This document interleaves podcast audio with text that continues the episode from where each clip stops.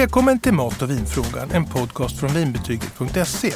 Och idag har vi ett nytt specialavsnitt som vi kallar Snabba vintipset. Och välkommen Kristoffer. Ja, men tack så mycket. Och idag ska vi hitta ett vin till pizzan Vesuvio. Det tycker jag är roligt. Vad kan vi säga om den? Ja, men det här är faktiskt en pizza som när svenskarnas favoritpizzor rankas Mm.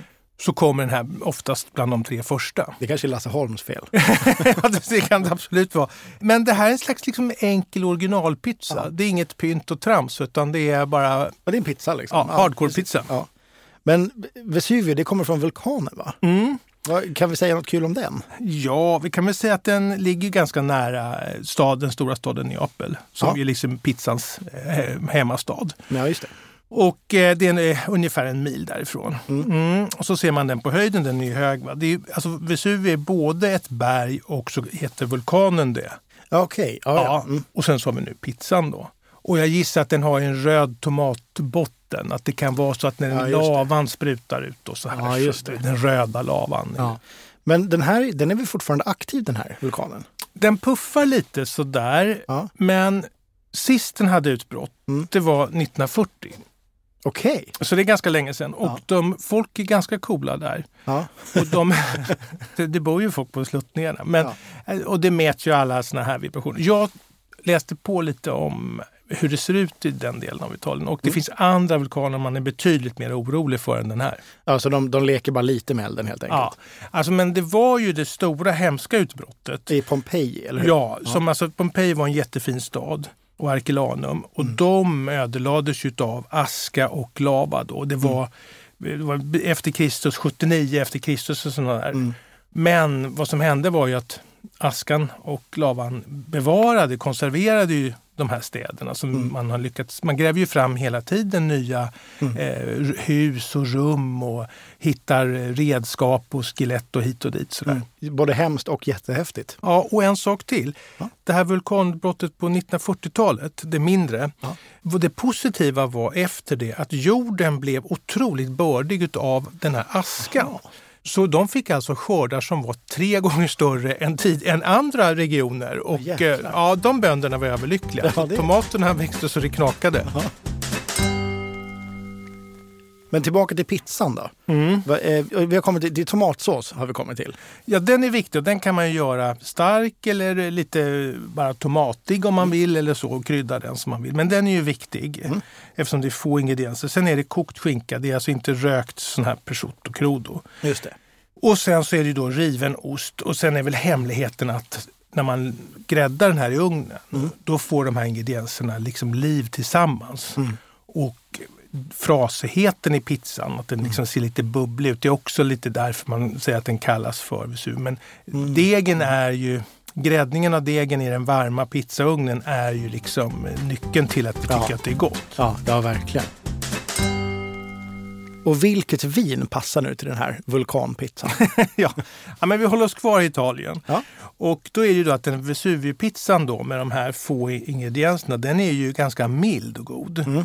Eh, kanske en familjepizza skulle man kunna säga. Så där ska vi inte ha ett kraftfullt vin som tar överhand, en gluff och så är det bara strävt och så smakar pizzan ingenting. Utan vi ska Nej, ha ett lätt Mm.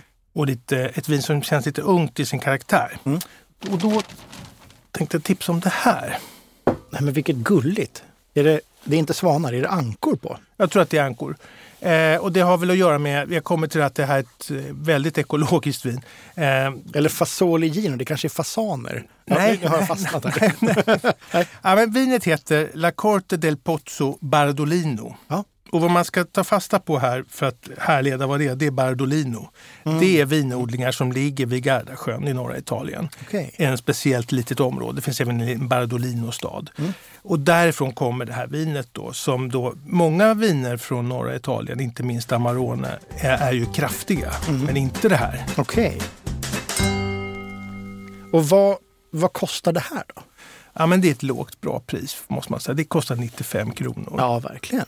Och det tycker jag är trevligt att man inte har ett vin för liksom 700 kronor till pizzan. Men det verkar väl onödigt? Ja, utan då är det här alldeles utmärkt. Och det är som jag sa då, det är lätt och lite ljust i färgen. Det får man vara beredd på. Mm.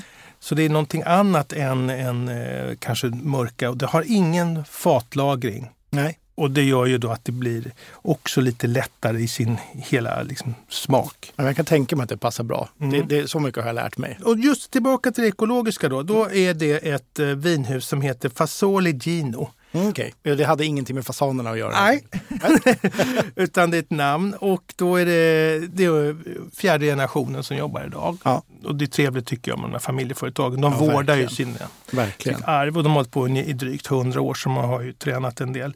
Eh, och de var pionjärer på ekologiskt. Okej. En av sönerna i familjen fick någon form av allergi och då var man rädd för att Ja, det kanske var bekämpningsmedel från, som man använde förr På vinodlingar. Så då bestämde man sig 1980, nu tar vi bort allting sånt. Okej.